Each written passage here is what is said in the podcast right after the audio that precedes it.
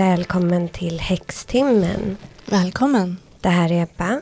Jag heter Agnes. Och vi ska prata om vad som händer. Det känns som att vi är på en helt annan plats än man var bara för en vecka sedan. Ja, verkligen. Vi är i krig. Ett krig i Europa. Ja, och det är så nära oss. Jag måste säga, jag har faktiskt känt mig helt jättekonstig sen det här hände. Jag känner mig inte alls som mig själv. Och jag funderar över hur man ska för man vill ju såklart liksom ha bra vibes och sådär men jag känner att man måste också få tillåta sig att faktiskt titta på det här och vad det är som händer. Mm, verkligen. Det tycker jag också när det är någonting så allvarligt, så förödande som, som sker. Ja, jag hörde faktiskt på Ring P1 så var det en kvinna som ringde in och tyckte att det var trist att de pratade, att de hade nyheter mitt i melodikrysset. jag tror jag hörde henne också. Ja, är det. Och så var det en annan kvinna som ringde in och sa att, eh, att för att hon tyckte att det var, den första tyckte då att det var underhållning och att man skulle få ha sin underhållning bara som underhållning. Och då var det en annan sen som svarade, ja men man kan ha båda och det här världsläget är så pass kritiskt att mm, vi måste veta vad som händer. Ja och det är det där, för vissa är ju så här, jag orkar inte höra och sådär, men grejen, jag blir nog mer stressad om jag inte vet vad som händer. Mm, precis. Och man, precis, man kan inte bara fly in i någonting faktiskt. Nej, i och med att det också uttalas hot från Putin varje mm. dag mot eh, alla möjliga länder och så, så vill man ju gärna veta det. Ja, veta verkligen. hur mycket man ska förbereda Precis. sig. Men vi kommer ju titta lite på astrologin och lite på olika förutsägelser och sådär. Mm. Det var faktiskt en av våra lyssnare som skrev till mig att när det här började. Att hon tänkte på vårt avsnitt som vi hade i början av året hade vi ett avsnitt där vi tittade på året, astrologi och olika förutsägelser. Och då tog vi ju upp eh, Nostradamus som vi kommer göra nu också. Han hade ju lite olika förutsägelser för 2022. Grejen är att det har ju i några år pratat om att Nostradamus har spått ett tredje världskrig. Jag, då när vi gjorde det här avsnittet så tog jag faktiskt inte med det ens för att tyckte det blev för jobbigt efter uh, corona. Ja precis, det var lite tungt. Jag var, kände... Nu kändes äntligen som man hade, så, hade dos tre i sikte och sådär. Och så ja. bara, men det här året då i alla fall. då blir det så serveras vi det här. Ja. Nej man ville ha, man ville i alla fall vara lite lite positiv. För det var ju ändå rätt svåra saker vi tog upp då, mm. alltså svält och så här. Ja. Och eh, att en världsledare skulle dö. Och då kan man ju verkligen hoppas på ja. en person nu. Mm, jag, det är det första jag skrev till dig, jag bara hoppas det är Putin. ja, ja, exakt. Det, det, det, är den enda, det är det hoppet man kan ha nu. Och sen så var det ju så, Nostradamus levde på 1600-talet. 1500-talet till och med. Ja. I Frankrike. Mm. Och astrolog och synsk och skrev sina liksom, ja. profetior. Och han har liksom förutspått bland annat Hitler och alltså allt möjligt. Ja. 9-11 och sådär. Men det är också mycket som är svårt att tolka som vi inte vet vad han menar. Eller, det är ganska svårt att tolka det han skriver. Jag skriver som små dikter mm. ungefär. Ja precis, allting Korta rimmar. dikter. Ja. Då tänkte vi också, men, tänk om man har tolkat det här med tredje världskriget fel, det är lite onödigt ja, hur? inkludera. Vi kan fortfarande hoppas på att vi att det inte riktigt blir ett världskrig. Verkligen, men grejen för också vissa tänkte ju att, att det var covid som representerade det tredje världskriget. Ah. Att det var det Nostradamus menade typ. Mm. Ja, det är inte så konstigt. Ja. Många, för många har det varit som att det är krig liksom, när man är typ i lockdown. Och så. Ja, jag tänkte man ska prata om vår Patreon men vi kan väl säga att om man, vi är jätteglada för den men man kan också skänka pengar till UNHCR eller Unicef eller någonting för att hjälpa ukrainska människor Precis. som flyr just nu. Det är ju mm. faktiskt, för vi tycker ju såklart det är hemskt med alla krig men det här är ju alltså närmare oss än Kiruna. Det är ju mm. typ våra grannar som flyr. Det är helt sjukt faktiskt. Alltså närmare liksom, svenska gränsen än, än Stockholm-Kiruna. Precis. Hur kände du på dig det här Agnes? Att vi skulle sitta här och prata om krig? Um, nej, det gjorde jag inte. Och ja, det var många andra som också hade missat det med mig. Så det kan ja. jag i alla fall säga. Men du, kände, du märkte ju av det. Ja, jag skulle säga, och jag, jag alla vet ju att jag är tarotläsare. Jag ser mig inte som någon förutspåare. Så jag vill vara väldigt tydlig med det. Men jag har ju en hel del varsel. Mm. Jag sa till min kompis Magdalena några veckor innan kriget. Så sa jag till henne så här. Jag känner samma för det här kriget som, eller jag känner samma för ryssen nu som jag gjorde i början av corona.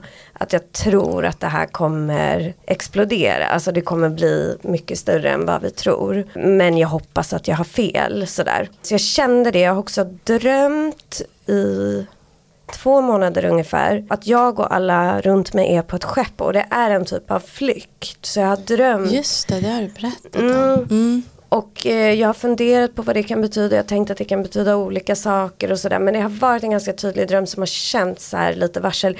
Jag har drömt en del om Titanic har varit inblandad i det. Ibland mm. är man på Titanic.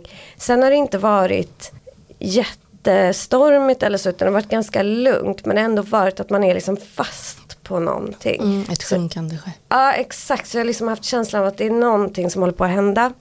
Och sen då jag och Magdalena hade pratat, det här var, jag tror det var två veckor sedan.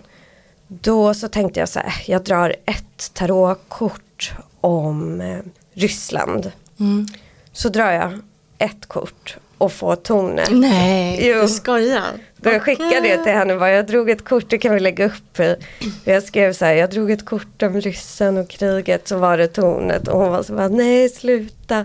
Men Gud vad sjukt. Det enda liksom man inte vill ha. Ja exakt och det är så tydligt. Mm. Tornet är ju så katastrofkort och man ser en blixt, man kan ju se bomber som slår ner och mm. sådär. Så att jag var inte, det är klart man är överraskad och helt chockad. Ingen hade ju kunnat tänka sig att det skulle bli så här. Mm. Men jag var ganska inne på att något skulle hända. Men sen kan man inte föreställa sig att det ska bli alltså full on krig. Och inte på det här sättet heller. Nej. Liksom, att han går in med alla sina tanks och bombar. Det är som Hitler, alltså det är ju verkligen gam ett gammaldags sätt att föra ett krig på. man nu. Ja, vi är tillbaka Men, på andra världskriget. Och det är ju för att eh, Putin verkar ju ha, vara helt sinnessjuk såklart. Han är ju känd, en känd psykopat men det har slagit slint nu också. Mm. Men jag måste berätta också att den natten då det här skedde. Alltså det var ju flera kvällar när man var lite så här. hur ska man gå och lägga sig nu? För jag lyssnade rätt mycket på radion. De hade massa olika. Det var ju massa olika Experter världsledare. Som, ah. ja, som åkte och träffade Putin mm. och, och höll på. Så man tänkte vad ska hända nu? Och så den natten det här var, 24 februari. Så vaknade jag fyra på natten. Bara klarvaken. Och bara kände att nu har det hänt. Mm. Någonting är jättehemskt. Och jag tänkte själv så har jag drömt någonting som ger mig den här känslan? Men jag hade inte riktigt det. Jag bara kände att något var jättefel. Och då tar jag telefonen och så är det ju massa sådana flashar. Mm. Som bara Ryssland startar krig och sådär. Och så satte jag på radion och då var det, då hade Sveriges Radio precis börjat sända. Och det var Roger Wilson som jag också, han är ju USA-korre men jag känner ju honom genom jobb och sådär. Så det var så konstigt att höra så bekanta röster som satt och pratade bara nu har, har det blivit krig och så för då hade ju Putin precis haft sitt tal. Mm. Och sen så på morgonen, för sen somnade jag till ljudet av radion så jag hörde dem när jag låg och sov. Och av det antar jag så drömde jag att jag var i krig mm. eftersom jag säkert lyssnade på vad de sa så här, i sömnen. Så jag drömde att faktiskt att jag och Elfin var i typ Ukraina och sprang runt och skulle gömma oss och sådär. Men sen när jag vaknade på morgonen på riktigt liksom, då så lyssnade jag på radio och då var det, de pratade om en kvinna som var från Ukraina som fast bodde i Sverige som sa Ja det var så konstigt i natt för jag vaknade med ett ryck, prick klockan fyra. Och då kollade jag på telefonen och såg att min mamma hade ringt. Hon hade haft telefonen på ljudlöst. Och ringde upp henne och då sa hon nu har kriget börjat. Och sen så pratade jag med min kompis Ylva så sa jag det, jag bara jag vaknade klockan fyra i natt. Hon bara vad konstigt gjorde jag också fast hon hade inte tittat på nyheterna. Hon hade bara vaknat med en äcklig känsla och så gått upp och tagit ett glas vatten och sådär. Så la jag ut det här på Instagram. Och då var det så många som skrev till mig att de också hade vaknat klockan fyra och typ deras barn hade vaknat och skrikit och så här. Jag tror att det var någon så här jättekollektiv medvetande smäll då, mm. att man nu blir det krig. Mm. Ja, det måste ju ha varit det, alltså, ja. absolut. Det känns av i hela världen. Ja, man känner paniken mm. och sådär. Och det där är ju det, därför tycker jag så mycket man kan ska man ju försöka ta hand om sitt inre, ta lite pauser, meditera och sådär. Men för vi kommer ju alla känna av den här smärtan. Ja. Det, och som sagt, det är så nära oss. Jag har ju tittat på Putins astrologi. Mm. Lite också på då vår nya hjälte här, Zelensky, ja. Ukrainas president. Mm. Nej, men vi kan ju börja med, innan vi grottar ner oss i Putins astro, som faktiskt är väldigt obehaglig. Han har ett jätteläskigt horoskop. Är det så? Ja, och det är ju inte så konstigt. Nej, sig. Men uh. han har verkligen det. Mm. Nostradamus som vi var inne på. Han är ju den här franska gamla filosofen då som du sa som har förutspått Hitler och allting och sådär. I hans små poem då kallar han ju bland annat Hitler för antikrist. Mm, okay. Det kallar han faktiskt även Napoleon för. Jag är inte så bra på Napoleon. Jag, jag, vet att han var dum men jag vet inte riktigt om vad han Ja men gjorde. det var ju också ett världskrig i alla fall. Så ja. kan man väl säga. Det kanske inte räknas som det, för, alltså det räknas ju inte som ett, ett av världskrigen så att säga. Nej. Men han tog, invaderade ju land efter land. Men jag har alltid blivit förvirrad i storyn kring Napoleon för det fanns så många som hette Napoleon. att det var typ så här ett, två, tre. Jag kommer liksom inte ihåg vem som är vem och vem gjorde vad. Nej, alltså det mesta jag vet om honom det är att hans fru hela tiden gick till en spådam. Och att Napoleon fängslade henne för att han blev sur över hennes ah. predictions. Ja, okay. men sen tror jag hon, hon, han släppte henne fri. Gud. Ja, han verkar ju um, Han verkar också vara en riktig galning. Nej, men så att, och Nostradamus säger då att eh, under 20-talet, alltså det vi är i nu, så kommer en till antikrist. Mm. Och då kan man ju tänka sig att det är Putin. Ja, för det, det måste det vara. Ja, alltså för det man får tänka med, med Nostradamus också, han bodde ju i Frankrike, han har ju liksom ett europeiskt perspektiv. Han har ju också sagt att det kommer från öst, alltså ett hot från öst. Mm det kan ju verkligen vara Ryssland då. Kan väl vara Kina också men nu är vi inne på Ryssland här. Det kommer en antikrist från öst. Det blir ett krig som pågår i 27 år.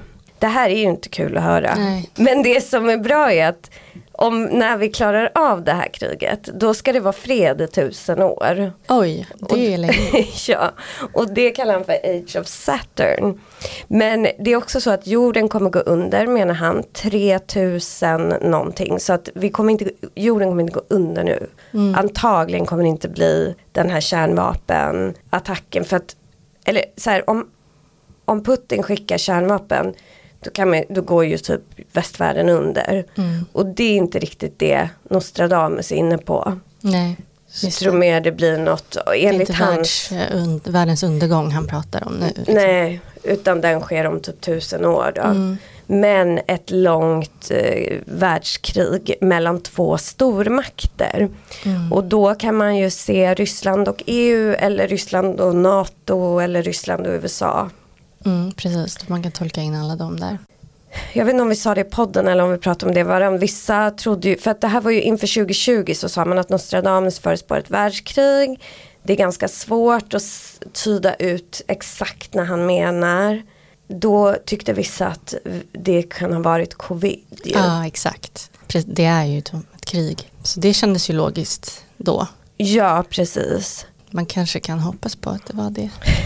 ja, det känns mörkt just nu. Ja. Men sen finns ju Jessica Adams. Mm. Som är typ vår tids Nostradamus. Ja, han, verkligen. Ja, och gren, som han gjorde var ju, han tittade ju på stjärnorna. Det är så coolt att det var så våra gamla astrologer höll på. Alltså titta på himlen och bara sådär, sådär. Ah, så, uh. Skådade på riktigt himlen. Ja, mm. och så såg han syner och sådär. Jessica Adams är både medial och hon är astrolog. Och hon, jag tror till och med hon kan läsa tarotkort, hon använder väl alla möjliga olika verktyg, numerologi och sådär. Och hon bor ju i Storbritannien och är ju jätte jätte, jättekänd. Drottningen, eller inte drottningen kanske, men kungahuset har ju bokat tid hos henne och sånt där. Mm. Men hon är ju mest känd nu för att hon förutspådde covid. Ja. Hon, jag har inte så att hon typ så 2018 sålde sin lägenhet och flyttade ut i skogen eller något sånt där. Precis. Och sa redan då att det kommer en pandemi. Precis och där bodde hon med hundar och en höna. Det tyckte jag var roligt. ja. Men, Men ja, hon kommer med lite, hennes tolkningar är ju är inte så ödesmättade. De är lite Nej, de är gladare. För hon har ju också då tolkat Nostradamus. Det här vet inte jag om det är bara hon som säger eller om det är så. Men hon menar att eh, Nostradamus, hans små poem, att det är nyhetsrubriker från framtiden. Skulle ju kunna vara. Mm.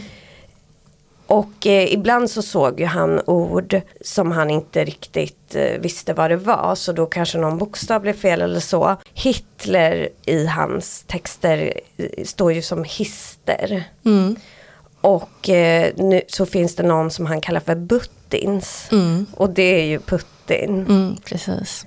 Och någon som han kallar typ så här för bien eller något sånt där. Som i Biden kanske. Ah, ja just det, mm. ja, han har ju Trump också som kallas för någon sån här trumpet. Uh, Trumpier. Typ. Ja, uh, det är ju lite kul. Uh, men hon, hon försöker ju på något sätt göra hon gör en astrologisk tolkning och så för hon samman den med Nostradamus förutsägelser och försöker hitta länkar mellan dem kan man väl säga.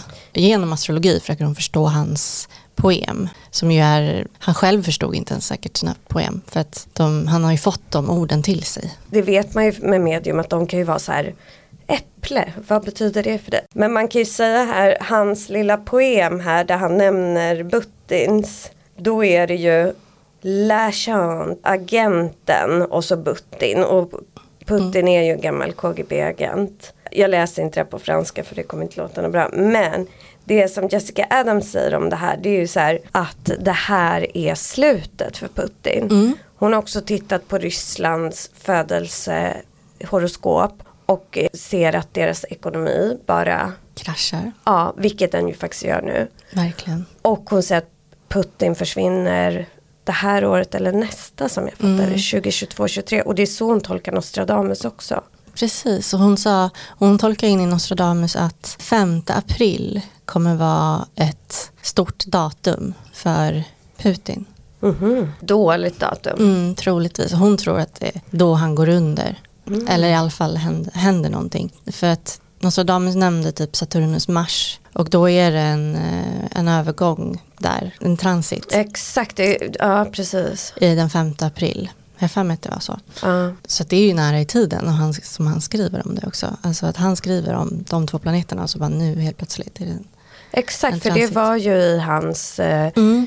den här lilla poemet står det om Mars och Saturnus Precis. och den här Och sen transiten. hade hon kollat i hans då horoskop då och då står hans Mars och Saturnus inte i några positiva lägen. Hoppas då, då måste vi hålla utkik vad som händer 5 april ja. med Putin, eller mm. det lär ju hela världen hålla utkik ja. på. Då har vi så här, okej okay, Jessica Adams säger det, det här innebär slutet för Ryssland. Det, hon, hon menar att det inte kommer bli något världskrig utan att det är nonsens. Och hon kan ju ha rätt, som sagt hon hade rätt om corona, hon hade även rätt om att vaccinet mot corona inte skulle funka på det sättet som människor hoppades. Mm. Och då var ju hon väldigt negativ, eller man ska säga, när alla var så inför året, bara åh nu kommer vaccinet, men då sa ju hon att det finns ingen så quick fix för corona, vi kommer få lära oss att leva med det.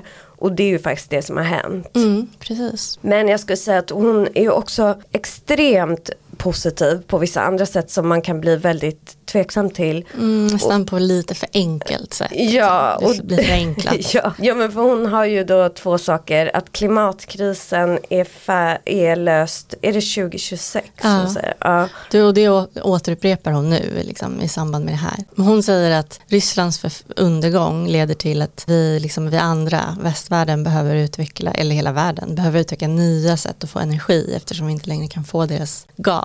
Och då liksom speedas det på utvecklingen med, med solpaneler mm. eller solceller och eh, vind och vattenkraft som då leder till att eh, det blir mindre klimatutsläpp. Hon ser det mer som att Ryssland går under och mm. vi andra kommer ut starkare och till och med löser klimatkrisen på köpet. Men också i det här ska ju även den toxiska manligheten gå under har ju hon sagt. Just det, för att Pluto lämnar stenbocken. Ja, mm. och det känns ju kanske inte heller som att vi är riktigt där än, men Nej. jag vet inte. Hon menar ju att alla bankerna ska falla. Det läste hon ju också in i Nostradamus tror jag. Mm, för att hon mm. såg så här Schweiz, Schweiz där någonstans, och olika så banker. Och att det leder då till att alla rika, typ Jeff Bezos personer, liksom förlorar sina förmögenheter. Men för hon har ju också sagt att EU ska gå under, det skulle ju göra typ förra året tror jag. Och där har hon ju faktiskt haft fel. Och nu verkar det som att EU blir starkare än någonsin. Mm. Nu märker man ju verkligen att det behövs. Precis, nu fattar man ju att det är rätt bra att vi har EU. Mm. Som sagt, hoppas att hon har rätt. Men det finns ju andra som har tolkat eh, Nostradamus också. Och de är ju inte lika positiva. Och de tolkar ju samma texter. Jag hittade en artikel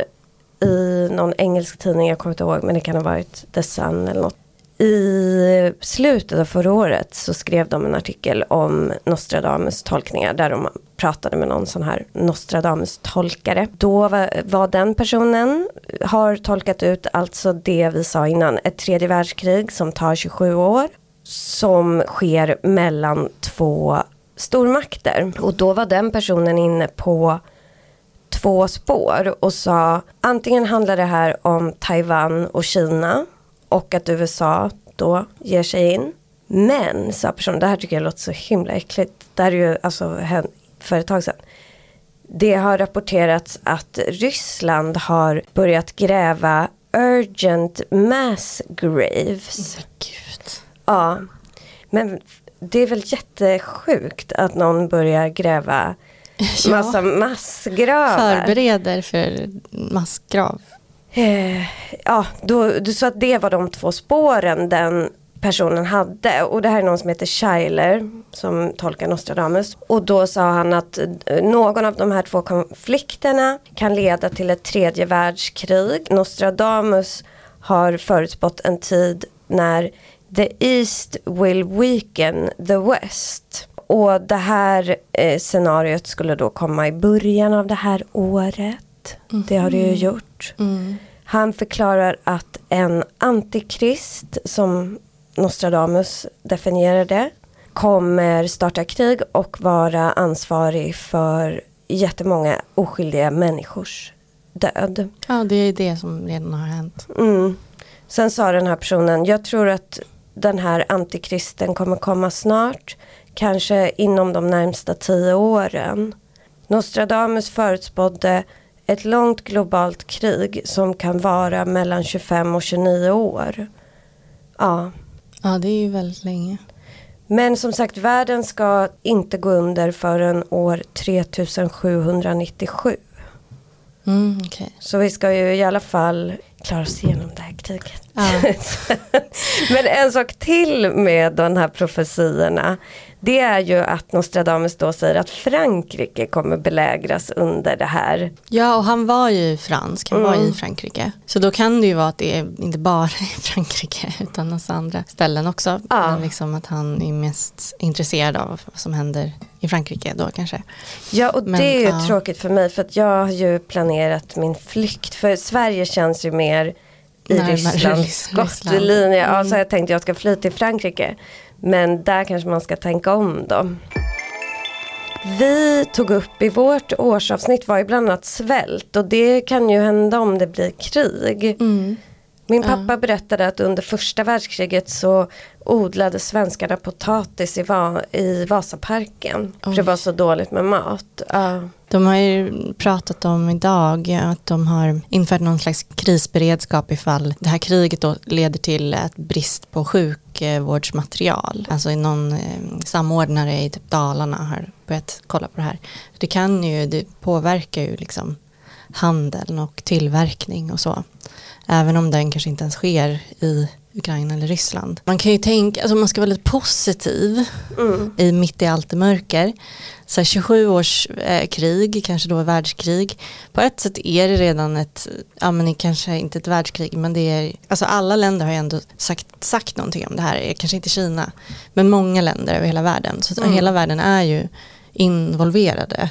Ur den aspekten så är det ju typ ett världskrig. Det är som att man inte kan starta ett sånt här typ av krig utan att det inte påverkar hela världen. Liksom. Och sen så om man då tänker att, att det liksom slutar vid Ukraina, att han inte går vidare och typ försöker ta Frankrike eller no någonting annat, då kanske liksom Ukraina är återuppbyggt igen om 27 år.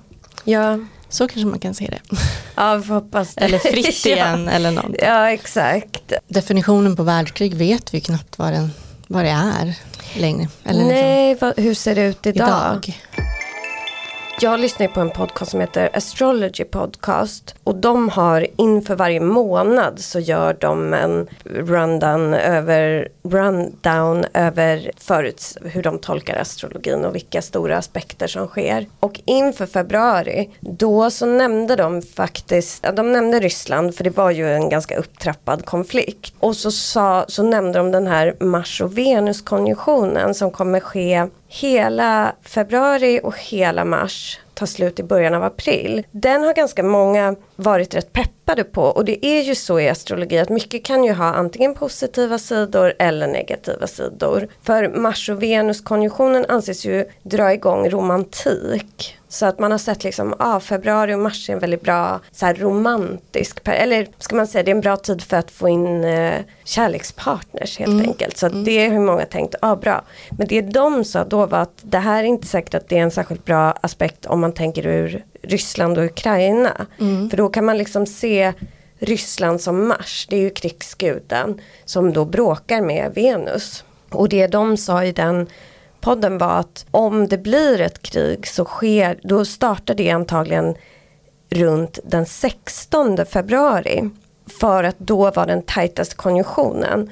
Och det gjorde det inte, det startade ju 24 men det är ju bara det var upptrappat. Ja, några dagar efter. Och det som var intressant var ju också att när USA släppte de här äh, underrättelseinformationen om vad Ryssland planerade. Då var ju planen 16 februari. Ja men sen flyttade de ju framåt det Antagligen för att USA hade sagt att, alltså berättat för världen att det var det de planerade och för att det var OS i Kina för att Putin vill ju inte förstöra för Kina, mm. hans kompis. och han älskar sport. Ja exakt uh. och det är så kul att han inte får vara med i någon sport uh, längre. Det är mycket bra faktiskt. Ja, ja de, den ska vara till början av april. Ja. Den pågår nu under hela mars. Ja, och det är väldigt ovanligt för det brukar vara en konjunktion mellan Mars och Venus varje år. Men den brukar bara pågå i tio dagar. Mm. Och nu pågår den i två månader. Jag har tittat lite både på Zelenskis födelsehoroskop och på Putin. Vi kan ju börja med Putin. Och han har ju faktiskt ett ett rätt otäckt horoskop. Nu så är det ju så, det behöver inte vara bara för att man har till exempel liknande saker som honom så är det ju inte så att man är ond. Man får hela tiden tänka i astrologi. Om, jag, alltså om man tänker så här, solen i åttonde huset. Då är det så här, vad finns det för bra saker med det? Vad finns det för skuggsidor? Och då kan man ju liksom välja både och. Så att, men när man läser om en person som uppenbarligen är helt vidrig, då tolkar man ju det ur det negativa. Precis. För Putin är väl våg? Han är våg. Och det är så det mest fredfulla tecknet om man läser det positivt. Ja men och då får man ju tänka på mm. vågens mm. skuggsidor. Och det kan ju till exempel vara en väldigt känslokyla, en väldigt ytlighet och sådär. Som ju Putin har visat upp hela sin karriär. Så han är ju helt stel och känslokall ser han ju ut. Men han har några saker som jag tycker är intressant. Att när man tittar på en födelsehoroskop då tittar man på vilken planet som styr ascendenten. Och den planeten styr hela horoskopet egentligen. Och då har Putin sin ascendent i skorpionen. Mm. Så Pluto och Mars styr hans horoskop. För det är de två planeterna som styr skorpionen. Alltså Mars styr ju skorpionen traditionellt. Pluto är ju den nya styraren. Men jag tycker att man ska titta på båda dem då. Och då har han ju Pluto i lejonet. Så man kan säga att Pluto i lejonet och Mars i skytten styr hans horoskop. Det är ju två eldtecken. Han har också Pluto på sin Midhaven, mm. alltså på sin legacy. Mm. Och man vet ju att Pluto kan betyda död och destruction och sådär. Det blir liksom hans legacy. Precis som man vill. Ja, exakt. Men sen har han, för du nämnde det att han var våg och han mm. har ganska mycket planeter i vågen. Mm. Och han har det som kallas för ett stellium i vågen. Det är när man har flera planeter, fler än tre planeter brukar man säga och Putin har fyra planeter i ett kluster i eh, vågen i tolfte huset. Oj. Ja. Aha, och, vad, vad, vad, betyder det? Jo men jag vet inte om du minns när vi tittade på seriemördare. Aha. Så var ju en grej de hade gemensamt, de hade väldigt mycket planeter i tolfte huset. Just det. Och Aha. det är så att tolfte huset är huset nu i modern astrologi så försöker man ju hela tiden vara ganska positiv. Eh, och då kan man, alltså det är klart det finns positiva aspekter som att man till exempel är väldigt andlig och man kan nästan vara lite klärvoajant om man har mycket planeter i tolfte huset. Man kan också ha mycket karma med sig in i det här livet, alltså att ens familj har karma som man har ärvt som man måste reda ut. Men också så står tolfte huset för mental sjukdom, för eh, förstörelse, det är undermedvetna på ett sätt som vi inte klarar av. Så det kan verkligen visa galenskap. Och då är det dessutom så, stellium skapar jättestark energi när man har fyra planeter så tillsammans. Och de planeterna han har där är inte heller några enkla planeter. Alltså han har solen som representerar identiteten, Merkurius som är kommunikationen, Saturnus som är ju en ond planet och Neptunus. Och Neptunus i tolfte huset, så här, har man det här att man har till exempel Neptunus i tolfte huset då får man jobba väldigt mycket med sig själv, kanske utveckla sin andlighet, sina paranormala gåvor. För annars kan man faktiskt verkligen bli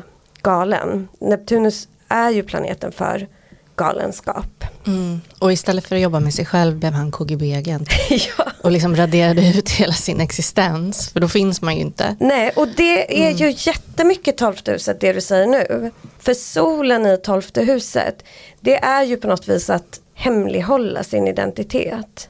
Ja. Det har inte jag ens tänkt på, men så gjorde ju han när han var KGB-agent. Och sen när han kom tillbaka igen ifrån att ha varit KGB-agent, då skapade han ju en helt, hade han ingen identitet så då skapade han en ny identitet, som en myt om sig själv. Det är väl det vi har sett med olika bilder på honom när han är ute och gör olika manliga saker. Ja och det där kan man se i horoskopet för att det är också så att han har ju då tolfte huset styrs av vågen och då tittar man vilken planet styr vågen och var befinner den sig. Venus styr vågen och Putins Venus finns i hans första hus, alltså i hans ascendenthus i Skorpionen. Mm. Så han har Venus i Skorpionen i första huset. Så det här är ju kopplat till hans identitet. Men också Venus i Skorpionen. Vi pratade ju förra veckan om Venus i Skorpionen. Det är inte så trevligt om det tar fram skuggsidorna. Det är liksom förföljelsemani, stalkerbeteende, ja, galenskap. Mm. Så han har väldigt starka sådana här grejer som inte känns så kul. Mm. Så mycket som pekar åt samma håll hela tiden. Galenskapen. Sen saker man kan se också till exempel med att ha solen i tolfte huset. Det tyder på så här låg självkänsla och så här, vad kallas det? Mindervärdeskomplex. Ja det måste han ju ha. Ja det är exakt det han har och just problem med sin egen identitet. Mm. Och det här kan man ju se så tydligt i honom även om han då är en liksom mäktig ja. ledare. Ja men precis, ingen blir sådär om man inte har, om man känner ett behov av att invadera ett annat land. Ja. Då är det för att han inte känner sig tillräcklig. Ah, ja. Projicera det på Ryssland och sådär. Men han måste ju också ha någon slags, han har alla de här aspekterna men sen så har han ju också någonting med att han kan liksom ta sig fram ja, men det och bli mäktig. Precis, typ. och där har vi mycket då hans ascendent i skorpionen. Pluto som bland annat styr hans eh, horoskop, den finner vi i lejonet. De personerna är väldigt bestämda och tar sig fram och han har även Pluto då i tionde huset och där kan man se att det här är personer som kommer högre och högre och som också kontrollerar andra människor. De är liksom predisponerade för ledarskap. Så att han har ett framgångshoroskop kan man säga. Men man kan också se med Pluto som styraren av ascendenten att han är hemlighetsfull och han kan ha hemlighetsfulla mål. Mm. Och det, eller vad säger man, mål som han inte delar med sig av. Men sen är det också att när man har skorpionen i ascendenten då kan det vara så att man måste jobba igenom någon väldigt destruktiv kraft i sitt liv. Och den kan just komma inifrån. Och det verkar det ju göra i det här fallet. Alltså det kommer ju från honom själv. Ja, verkligen. Det här handlar ju, det här, allt som händer handlar ju så mycket om honom som person. Ja, det är det som är så obehagligt. Mm. Man kan ju se på hans födelsehoroskop att det är en person som blir framgångsrik och kommer kontrollera andra. Det kan man ju minst sagt säga att han gör. Men det är också en person som mår väldigt dåligt. Mm. Värsta kombinationen. ja, ja, och också med Saturnus i tolvhuset kan man också se ja, men dels psykisk sjukdom men också att han har massa rädslor och så här. Och det har han ju också för det är ju någon slags paranoid grej han håller på med nu. Mm. Det är den här uh, nationalismen är ju på något sätt, det, vad är det? Det är att han, han har klamrat sig fast vid någon slags drömbild om mm vad som är eh, det egentliga Ryssland och sådär. Då är man ju rädd för att se världen för vad den är, liksom att han måste återuppehålla någon slags ära eller ja. Ja men han är ju typ definitionen av toxisk maskulinitet. Mm, verkligen. Han är som en symbol för det i vår värld. Det, jag såg en sån bra post på, på Instagram som nog har spridits ganska mycket där det stod så här Stop male ego Heroes from Ruining the Future. Mm, ja. Det, den sammanfattar den senaste världshistorien de senaste hundra åren. Typ. Det kan man verkligen säga. Kan ju nämna också om hans astrologi att han har Venus i första huset. Mm. Så att han är säkert charmig på något sätt. Men jag Då tar man sig också fram. Ja exakt men den är ju ganska svår att se. Men mm. man kanske ser den om man är i samma rum som honom. Ja precis om han, om han ger, ger den till dig så att säga. ja, om han ja. har ett mål med ja. att han ska få dig att göra någonting. Nu har han varit någon slags diktator i Ryssland. Men eh, att när han blev vald första gången så lyckades han fånga Ryssland. Precis som Trump lyckas fånga en hel del amerikaner. Ja, verkligen. Men nu ser han ju så konstig ut. Alltså nu ser han ju ut som, en, som, ett, som att han är halvt död i ansiktet. Men han har sprutat in fillers. Ja, det är så. Eller hur? Jag har hört det. Jag vet inte om det liksom är bekräftat. Men jag har sett massa sådana bilder. Så här, så här såg han ut innan. Ja. ja. Och jag vet inte vad tanken är med det. Om han ska ha stora kinder. Eller han vill inte ha rynkor eller vad det är liksom. För han ser ju jättekonstig ut. Oh, gud han ser så konstig Och ögonen är som liksom två små springor. Mm. Så där tycker inte jag han såg ut förut. Nej, och han är så här helt blek och liksom, ja. ja hans ögon ser typ ja. röda ut. Alltså han ser ut som, som lera i ja, ansiktet. Verkligen, så sjukt. Nej, han, är, är verkligen eh, inte så snygg. Nej, gud nej. Det är också genomgående för alla de där. Ja, verkligen. Jag, Som förstör världen. Ja, de är aldrig attraktiva. Alltså Nej. Trump ser ju ut som ett skämt. Det, alltså, ja. det, det, precis, det är liksom, det är på den nivån, alltså man, ska inte, man ska inte prata om hur folk ser ut. Men Nej. med de här personerna så är det liksom, med Trump så är det på en nivå så att det är ett, det är ett skämt. Ja men för de får skylla sig själva, för det är så här, folk får se ut, eller liksom man kan inte hjälpa hur man ser ut, men de kan ju det. Vem uh. väljer sånt hår och sån brun utan sol? ja precis, och sådana kostymer. Ja, men jag har också tittat då på Volodymyr Zelensky han är Aquarius, vattuman i solen. Not surprised. Nej, eller hur? Och vattuman är även hans midhaven. I hans liv så kopplas egot bort och målet blir mm. det kollektiva. Och det är ju exakt det vi ser. Han kämpar ju med sitt liv som insats för det kollektiva. Ja precis, han, han skulle ju kunna skapa, gå i exil, få en exilregering och då skulle han ju överleva. Men jag hoppas nästan att han snart gör sån där exil. För han behövs ja, alltså, för, som symbol typ. Precis och för att bygga upp landet. Ja. För om ryssarna, för USA har ju erbjudit sig att komma och hämta honom. Då mm. sa han ju nej. Men om de, om de kunde göra det nu, för då har han ändå stannat länge. Men att han åker nu så han kan göra, ja. leda dem därifrån. Precis, han blir liksom som en symbol för att Ukraina fortfarande finns. Men jag ska säga också, han har också månen och Mars i lejonet. Och det tycker jag också är positivt för att det visar att han har en extrem så här, kämpaglöd och han har en auktoritet. Han är ju två fasta tecken här och det visar ju kanske lite på det här att han fortsätter kämpa. Mm. Han ger inte upp utan han håller i det här. Mm. Hans ascendent är i tvillingen så han styrs av Merkurius och hans Merkurius hittar vi i stenbocken.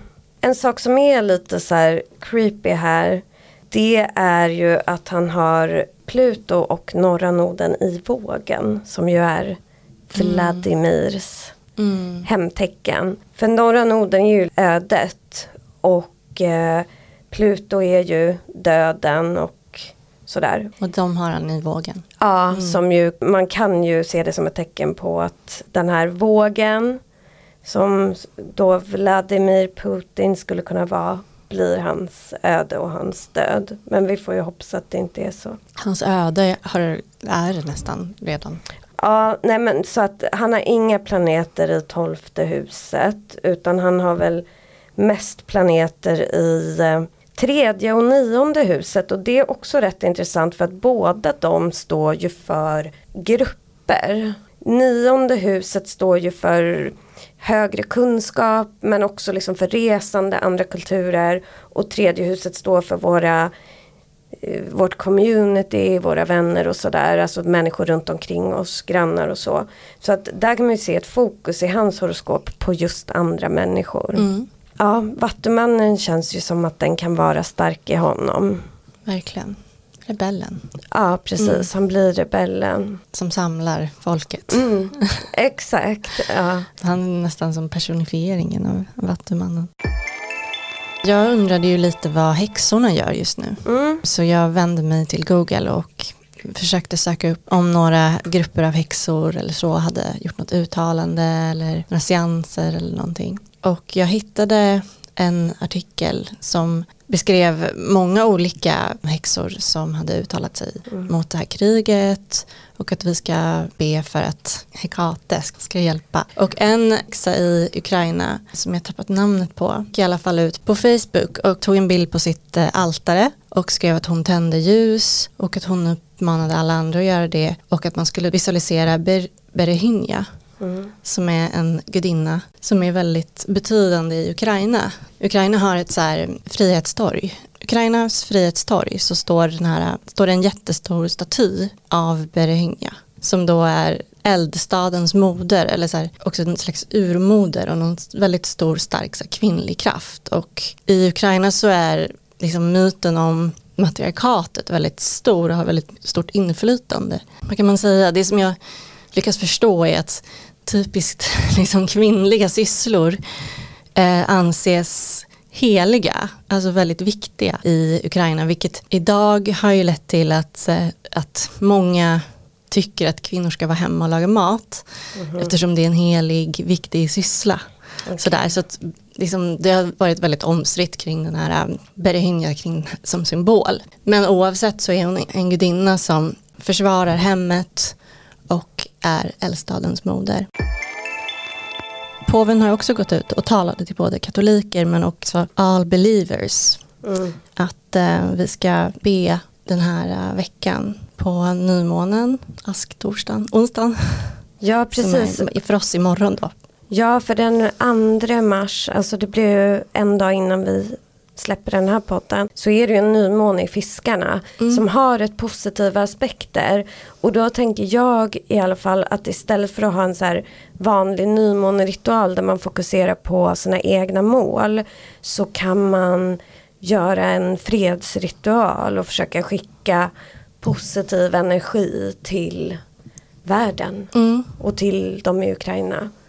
Vi får så här, försöka manifestera fred. Ja, precis. Och då gör man det samtidigt som massa andra troende, som till exempel katoliker då, som, som har det som en dag för fasta och, och eh, bön. Mm. Och så då om vi riktar alla, om vi alla riktar vår, vår, vår kraft mot samma, åt samma håll så är det väldigt fint. Jag tror det kan bli kraftfullt och jag tänker att som sagt själva nymånen är ju andra mars. Men man kan ju också göra det här 3 mars. Det är fortfarande nymåneenergi.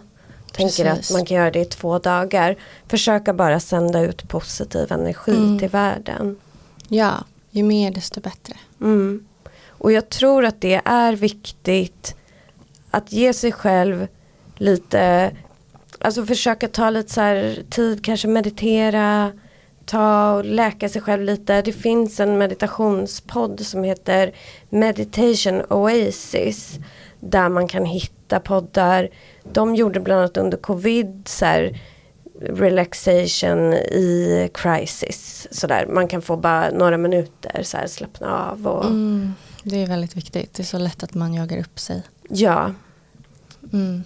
Jag kan också tipsa om det, sen, det avsnittet som ligger uppe just nu som senaste avsnitt av Filosofiska rummet mm. är väldigt bra. Då pratar de om människan och kaos. Okay. Och både om eh, andlighet och kvantfysik. Det, mm.